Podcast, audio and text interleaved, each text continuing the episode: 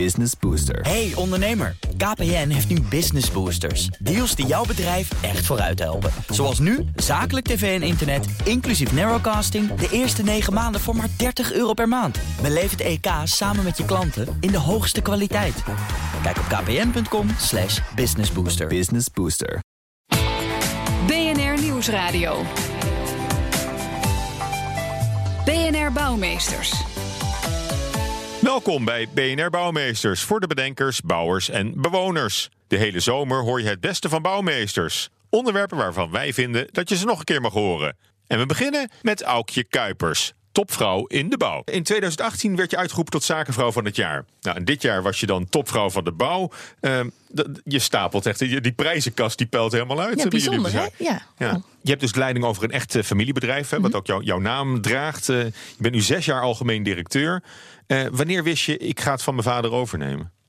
Ja, dat is wel grappig. Daar ben ik niet mee geboren, zou ik maar even zeggen. Ik heb altijd gedacht van ik ga heel erg mijn eigen pad en ga dingen doen die, die ik leuk vind en eh, die bij mij passen. En gedurende mijn leven dacht ik van ja, als dat dan in het bedrijf is, is dat alleen maar mooi. Alleen er moet dan wel iets zijn wat ook eh, eh, past bij mijn karakter. Ja, wat, En, wat, ehm, wat ben je eerst? Je bent, je bent gaan studeren. Ja, ik ben gaan studeren. Ik ben een hele andere wereld terechtgekomen, meer in de financiële hoek. En uiteindelijk ben ik gaan werken met procesverbeteringen en ja, het, Hm. het goed doen voor de klant. Toen zei mijn broer van ja, ook we hebben volgens mij zo iemand nodig binnen ons bedrijf. Nou, Hm. dat lijkt me interessant. Dus ik ben ik in gesprek gegaan. En, eh, Dus een letterlijk geval eh, bloed kruipt waar het niet gaan kan. Nou ja, dat zou zo maar kunnen inderdaad. Ja. Ja. Nou, even over het bedrijf. Hè. Jullie eh, zijn een installatiebedrijf. Installatietechniek voor allerlei eh, gebouwen en een omgeving. Kantoorpanden, bedrijfspanden. Hè, voor, voor de zorg, maar ook voor, eh, voor musea. Hè. De Mhm. culturele sector zijn jullie vrij prominent aanwezig. Jullie, jullie doen geen woningbouw? Nee, nee, dat klopt. Heel, heel bewust niet. We zijn Want, heel want daar zit die grote bouwopgave ook voor de komende... Ja, dat klopt. jaren. Daar, wordt, daar gebeurt heel veel. Maar in de gebouwde omgeving qua kantoren en, eh, en ja, utiliteitsgebouwen, zoals wij dat dan noemen, Mhm. daar zit ook heel veel werk. En daar zijn wij toevallig heel goed in. Maar koeling, beveiliging, Ja, verlichting. Verlichting, eh, klimaat, eh, ICT in de gebouwde omgeving. eh, dat soort zaken. Oké, wat, wat, wie zijn jullie klanten? Dat kunnen musea zijn. Dat zijn ook bijvoorbeeld datacenters. Dat zijn onderzoeksruimtes. Dat zijn partijen die medicijnen maken. Of scholen. De wat grotere gebouwen, ziekenhuizen, OK's. Ja. Ja. En ook wel eh, dingen die echt in het oog springen. Hè? Zoals van ASR, het hoofdkantoor. Ja. Dat is Ja. geloof ik het, het meest duurzaam gerenoveerde kantoor van Nederland. Dus Ja, daar, daar komt dan ook die zeker. duurzaamheid weer, eh, Ja, weer om de, dus, om de we hebben als klant dat ook heel nadrukkelijk op de kaart. We zitten ook bij de TU in Delft. Hebben we een, eh, vorig jaar het TU Pulsgebouw opgeleverd. En dat heeft Mhm. een label A+++++. Dus een vier keer een plusje. Ja, En dat- die stond er nog niet. Nee, dit, is het meest duurzame onderwijsgebouw. En dat zijn eh, ja, een paar voorbeelden, ja. Ja, want duurzaamheid ja, wordt steeds belangrijker in de bouw, denk ik. Eh, jullie hebben ook de energieopwekkende gevel van Studio Solarix eh, alles, alles besproken. Hebben we dat in onze bouwexpo. Waarom dacht je dat is een project waar we ook aan mee moeten doen? Nou, ik vond het super interessant gegeven, want wij zeiden al een paar jaar in een bedrijf van goh, je, bouw en techniek gaat steeds vaker naar elkaar toe eh, groeien. En waarom zouden we niet ook een keer iets met een gevel doen? Hè? Dat je nou een slimme gevel maakt die eh, zo- zo'n invloed heeft dat je minder met je techniek hoeft te doen, Mhm. of dat dat met elkaar beter accordeert. En toen kwamen zij voorbij met een idee wat mij persoonlijk heel erg aanstond, want ze zeiden van we willen die gebouwde omgeving namelijk eens mooi maken. Hè, je moet energie op gaan wekken, we hebben een verduurzamingsopgave. Maar het moet er we ook een beetje uitzien. Ja. het moet smoelen. Het was allemaal lelijk en zwart. En ja, ja, gewoon niet aantrekkelijker om naar te kijken. Toen dacht ik, nou ja, ik heb hier nog wel een eh, oud pand van ons... wat nodig een eh opschoonactie nodig heeft. Dus ik heb wel vierkante meters voor jullie. En zo is het eigenlijk begonnen. En ondertussen hebben ze een ontzettend mooi product eh, ontwikkeld en uitgedacht. En dan liggen een aantal projecten weer in het schap voor ze. Dus dat is mooi. Ja, dat is vrij. En eh, ook het, het Fries Museum hebben jullie volledig gasloos eh, gemaakt. Mhm. Dus die zijn dan van het gas af, maar dat is een gigantisch gebouw. Ja. Hoe, hoe pak je dat dan aan? Is dat, is dat voor, voor het eerst dat, dat zo'n klus wordt aangepakt? Of, eh, Nee, er zijn heel er veel gebouwen. Er zijn, nou ja, er zijn wel veel meer partijen die het kunnen. En er zijn ook best veel gebouwen die gasloos al zijn. Dus ik vind dat we daar als eh, technische industrie nog echt wel ons, eh, beter ons zegje over moeten doen. Want er Mhm. gebeurt al heel veel moois. Ehm, maar dit, dit voorbeeld hebben we heel nadrukkelijk in stapjes gedaan. Het is een eenmaal nieuw eh, neergezet pand. Heel nadrukkelijk, net zoals Museum Voorlin. We hadden het er net al heel even voor. Die twee musea zijn specifiek gebouwd om echt kunststukken neer te zetten. En ook eh, met het oog op eh, goed energieverbruik. En uiteindelijk ehm, hebben ze veel meer bezoekers gekregen dan ze hadden gedacht. Dus ze hadden veel meer Mhm. energie nodig. Er zit een, een, een balans onder de grond tussen warmte en koude. Dat is mee heeft met aardwarmte te maken. En doordat je veel meer bezoekers hebt, hadden ze ook veel meer energie nodig. Dus zijn we uiteindelijk in fases Ook gaan dat die kijken. bezoekers geven wel een beetje warmte van zichzelf. Ja, juist. Hè? Dus er komt veel meer warmte binnen. Iedereen Ja. is een kacheltje. Ja. En dan moet je dus flink gaan koelen. Ja, dus je hebt een hele grote koelvraag in plaats van een warmtevraag. En nou ja, dan moet je dus gaan kijken hoe gaan we dat dan oplossen. En in dit geval, eh, ja, in, in de tijd gefaseerd kun je daar oplossingen voor vinden. Ja, en dat allemaal in, eh, in, in Friesland dan in dit geval. Maar jullie werken eigenlijk, eh, voor, Voorlin is bij, bij Wassenaar, eh, Ja. meen ik. Allemaal vanuit Helmond. Nee, we zijn een landelijk opererend bedrijf. Maar inmiddels zitten we ook op 15 locaties in het land. Dus eigenlijk, eh, we zeggen wel, eh, in elke provincie woont in ieder geval één Kuipersmedewerker. Dus we proberen het werk... Oké, en, en, en eh, duurzaamheid, dus circulariteit ook. Hè? Dat is ook, het, eh, ook een belangrijk, eh, belangrijk thema. Wat, doet, wat doet Kuipers om zelf, zelf om circulair te werken ook? Nou, dat is, dat is wel leuk. Dat, een paar jaar geleden zijn we begonnen eigenlijk met wat kleinere dingetjes. Zoals eh, eh, pennen eh, aanschaffen die circulair zijn of biodegradable. En, en bekertjes en dat soort zaken. Dat is mooi. Dat hebben we helemaal ingeregeld. Hè. Dat is, maar nu zijn we toe ook zelf aan de volgende stap. Want we gaan onze eigen panden in Den Bosch verduurzamen. Dat is eigenlijk een, nou ja, 100 in een dozijn pand. En dan zijn we eigenlijk een, een test aan het doen van hoe kunnen we nou qua marktuitvraag daar op een andere manier mee omgaan. En ook qua ambitieniveau zeggen van hoe kunnen we nou dat zo energiezuinig mogelijk. Met een heel hoog comfortlevel voor onze mensen. En ook kijken wat we aan circulariteit kunnen doen. Dus dat gaan zien we eigenlijk als een test en een showcase. Om te laten zien wat Ja. wel al kan.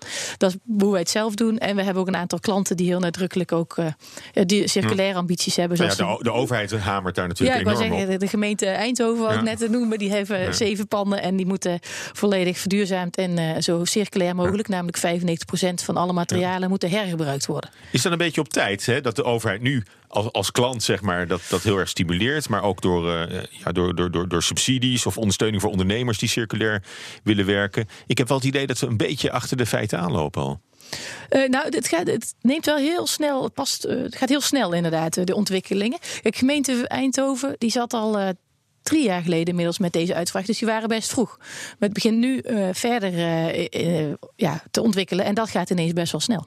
Maar of we nou te laat zijn of te vroeg, maakt voor mij niet zoveel uit. We hebben tot 2050, dus, maar we zijn lekker aan de gang, ja. Ja, oké, maar goed, het is nog een, een showcase, ook in eigen huis. Dat, dat is toch een, eh, eigenlijk nog heel verkennend, denk ik dan.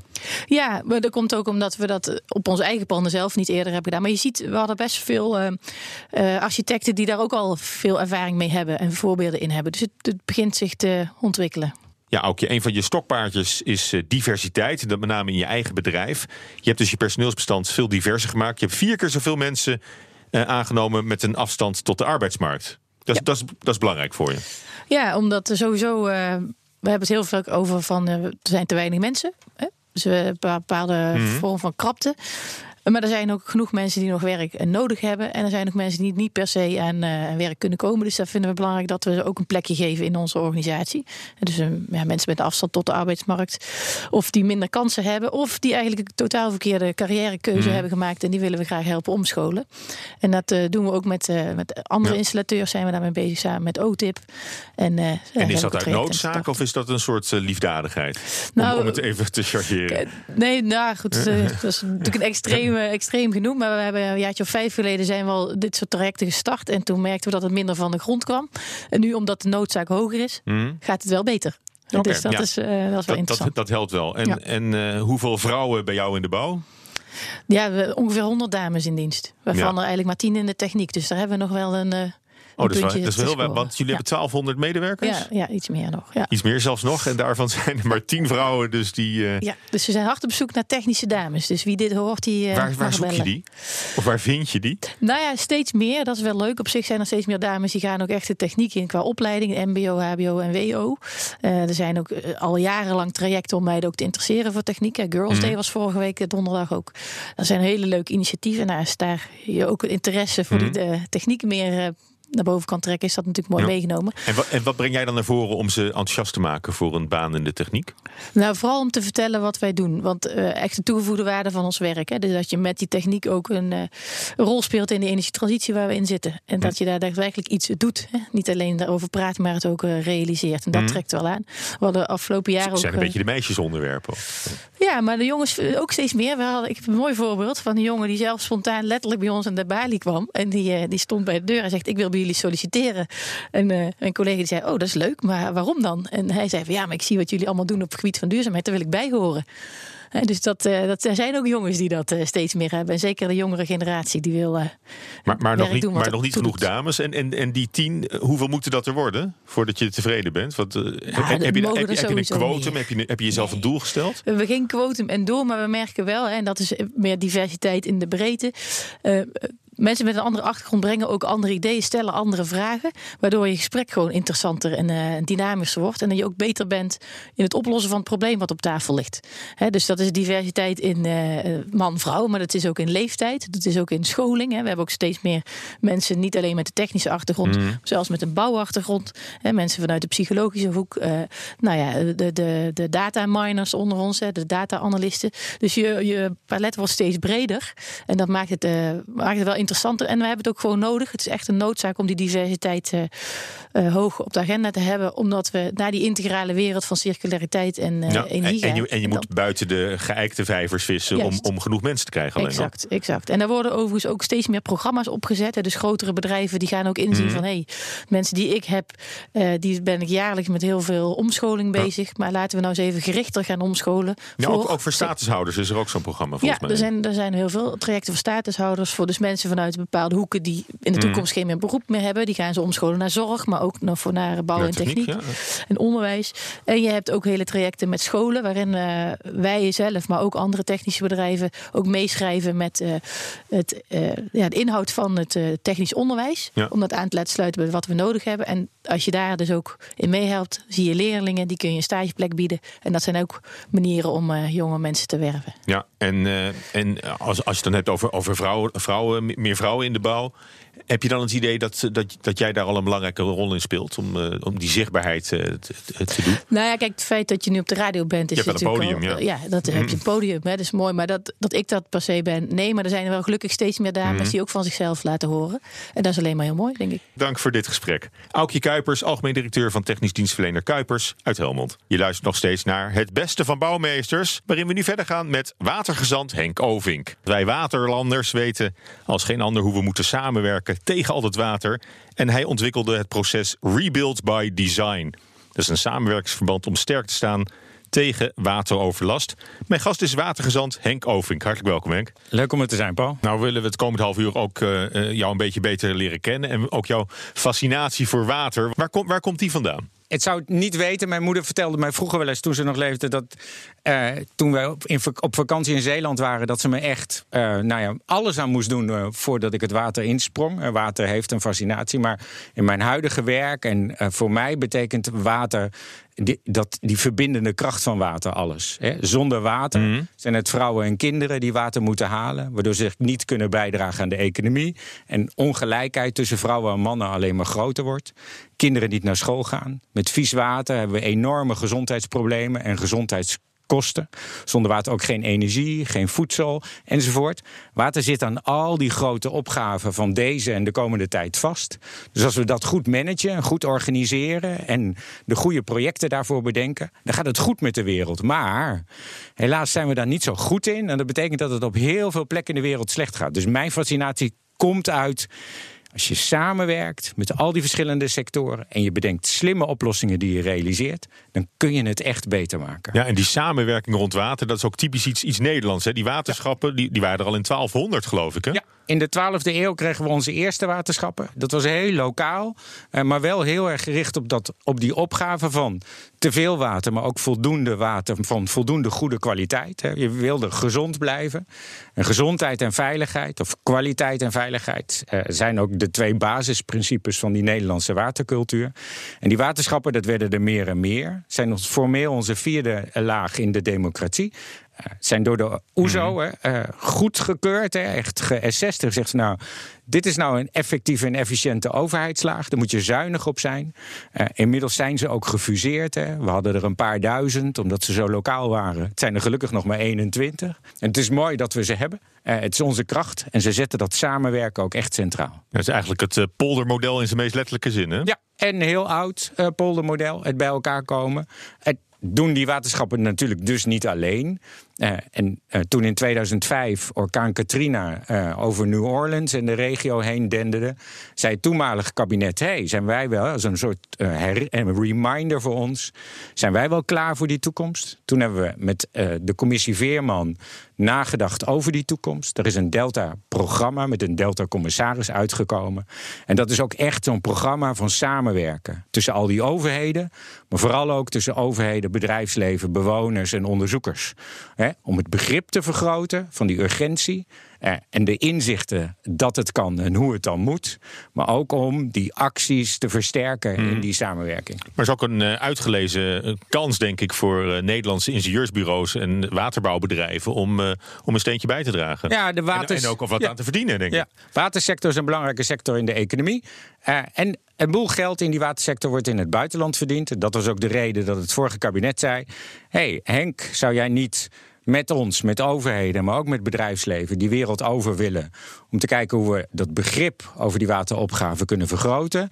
En samenwerken aan echte acties, waar die Nederlandse partijen dan een mooie rol in kunnen spelen. Nou, dat doe ik nu al vier jaar. Uh, met gelukkig mooie resultaten en ook uh, uh, spannende problemen elke dag. Oh, dat is waanzinnig interessant. Jouw verhaal speelt zich voor een belangrijk deel af in, in de Verenigde Staten. Hè? De samenwerking met president Obama.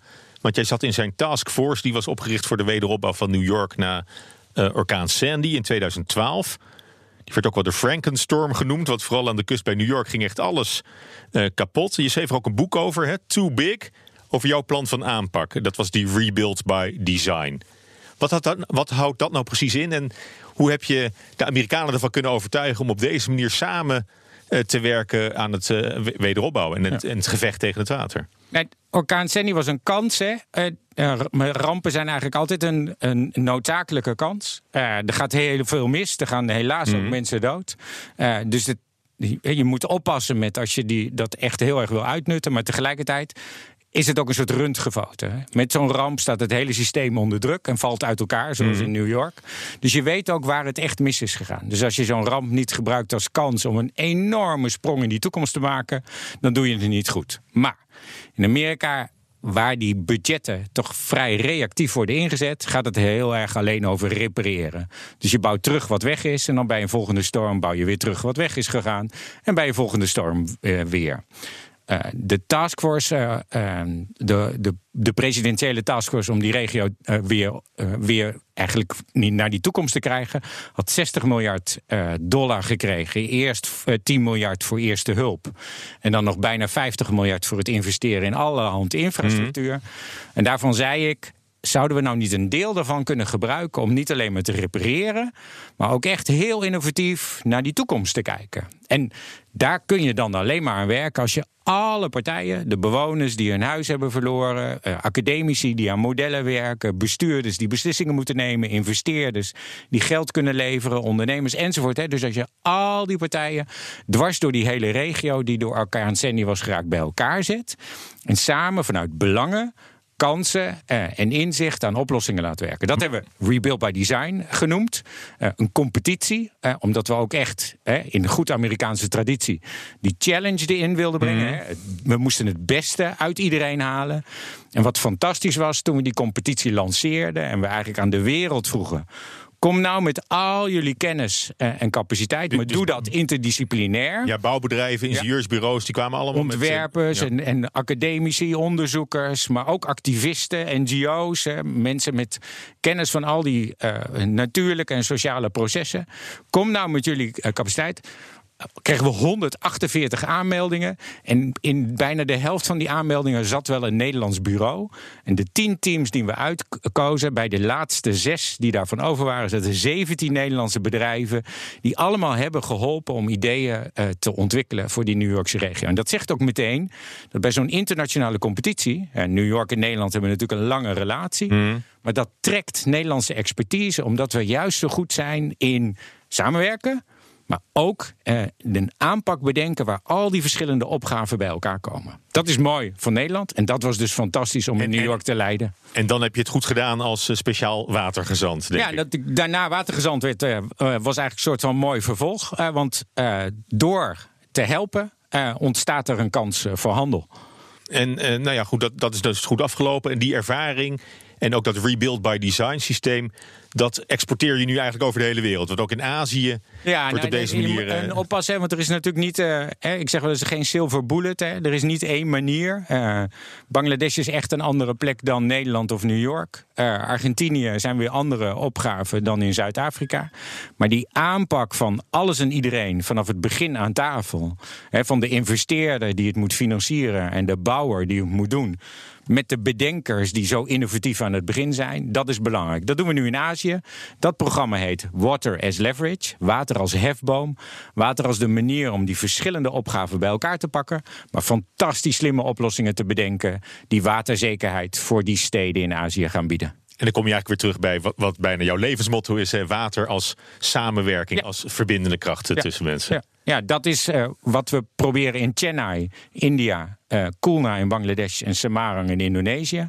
Met weer Nederlandse en internationale partijen. Inderdaad, water in te zetten om die verbinder te zijn. Maar ook de katalysator voor echte verandering. Want met de oplossingen van gisteren halen we morgen niet. Dat lijkt me een mooi eh, slot voor dit gesprek. Hartelijk dank daarvoor, watergezant Henk Ovink. BNR Bouwexpo. Ja, dan is het tijd voor het sluitstuk van de uitzending, de Bouwexpo. En redacteur Judith Lane staat er weer bij me in de studio. Je hoort de piano ook al. Judith, je dacht duikhelm op, kopje onder in een van de bekendste natte kunstwerken van Nederland. Ja, Paul, ik dacht, je moet wat met eh, de watergezant in de studio. En ehm, eh, we gaan het even hebben over de deltawerken van de 19e eeuw. Namelijk het Cruciusgemaal. Dat is het oudste stoomgemaal van Nederland uit 1849. Eh, het ziet er van buiten uit als een soort fort. Het is echt super mooi. En het is gebruikt om de Haarlemmermeer droog te pompen tussen 1849 en 1852. Want dat meer werd namelijk steeds groter en er moest dus wat gebeuren. Ehm, het is ook de grootste stoommachine ter wereld. Het is een industrieel rijksmonument. Het zit in de top 100 rijksmonumenten van Nederland. En eh, de naam komt van eh, de Nederlandse waterbouwkundige Nicolaus Samuelis Crucius. Die eh, we ook wel kennen als Nicolaas Kruik. En die komt weer uit West-Vlieland. Dat is ook al heel oud dus, hè? Het is heel oud inderdaad. Ja, hij staat er al vet lang. En het is een van de drie stoomgemalen in Nederland. Er zijn nog twee andere. Want koning Willem I die had ooit bedacht dat er dus drie stoomgemalen moesten komen... om de Haarlemmermeer droog te pompen. En dat zijn de Lijnden en de Leegwater. Die zijn trouwens ook vernoemd naar waterbouwers. Oké, en hoe, hoe ziet het eruit? Een soort fort, zeg je al, maar Ja, als een kasteeltje? Ja, zoiets. Het is neogotisch. Dus ja, dan moet je denken aan kantelen en steunberen, spitsbogen. eh, rijk geornamenteerd traceerwerk heb ik ook nog ergens gelezen. Eh, en aan de binnenkant zitten eh, gietijzeren trappen en pilaren. En het leuke is, die, die doorsnee van die cilinder die erin zit, die is 3,5 meter. Dus die is echt heel groot. Er zijn er ook nog acht balansarmen. Daaraan zitten die waterpompen. En die armen die wegen zo'n 10.000 kilo. Eh, en eh, de stoommachine is ontworpen door eh, Britse ingenieurs. Gibbs en Dean heette die. En het is dus in totaal 25 ton gietijzer. Dat is ook heel zwaar. Ehm, die pompen werden weer gebouwd in Cornwall. Eh, het, is, het is een mooi stukje internationale ja, samenwerking. dit bij ook, het- ook weer internationale bij het waterbeheer. En Ja. in 33, 1933 is het al buiten werking gesteld. En Mhm. sindsdien is het nooit meer gemoderniseerd of in gebruik genomen. Ja, nee, klopt. Want het, ja, het, was al, eh, het gemaal was eigenlijk al niet meer actief sinds 1912. Eh, vanaf dat jaar was eh, de Krukjes een reservegemaal. In 1932 werd het stilgelegd en de officiële sluiting was in 1933. Oké, Eh, nou. Want ja, die, die stoomketels waren aan het verschroten, zo heet dat. En eh, nu is het een museum. Dus je kunt erheen. Dat ga ik ook zeker een keer doen. En ehm, ja, die armen die werken nog steeds, maar nu werken ze hydraulisch. Dus met vloeistof in plaats van kolen, zoals ze het vroeger deden. Eh, nou ja, ik eh, zou zeggen, indrukwekkend stukje industrie in Nederland. Dus eh, ga zeker eens kijken. Industrieel erfgoed in Waterland, Nederland. Dankjewel weer, Judith. Volgende keer in het Beste van Bouwmeesters hoor je twee toekomstvisies voor Nederland. Eén van de architecten en één van de Rijksbouwmeester. Deze uitzending is terug te luisteren via de BNR-app, bnr.nl, Spotify of iTunes. Tot volgende week. BNR Bouwmeesters wordt mede mogelijk gemaakt door Bouwend Nederland. De bouw maakt het. Business Booster. Hey ondernemer, KPN heeft nu Business Boosters. Deals die jouw bedrijf echt vooruit helpen. Zoals nu, zakelijk tv en internet, inclusief narrowcasting... de eerste 9 maanden voor maar 30 euro per maand. Beleef het EK samen met je klanten in de hoogste kwaliteit. Kijk op kpn.com slash businessbooster. Business Booster.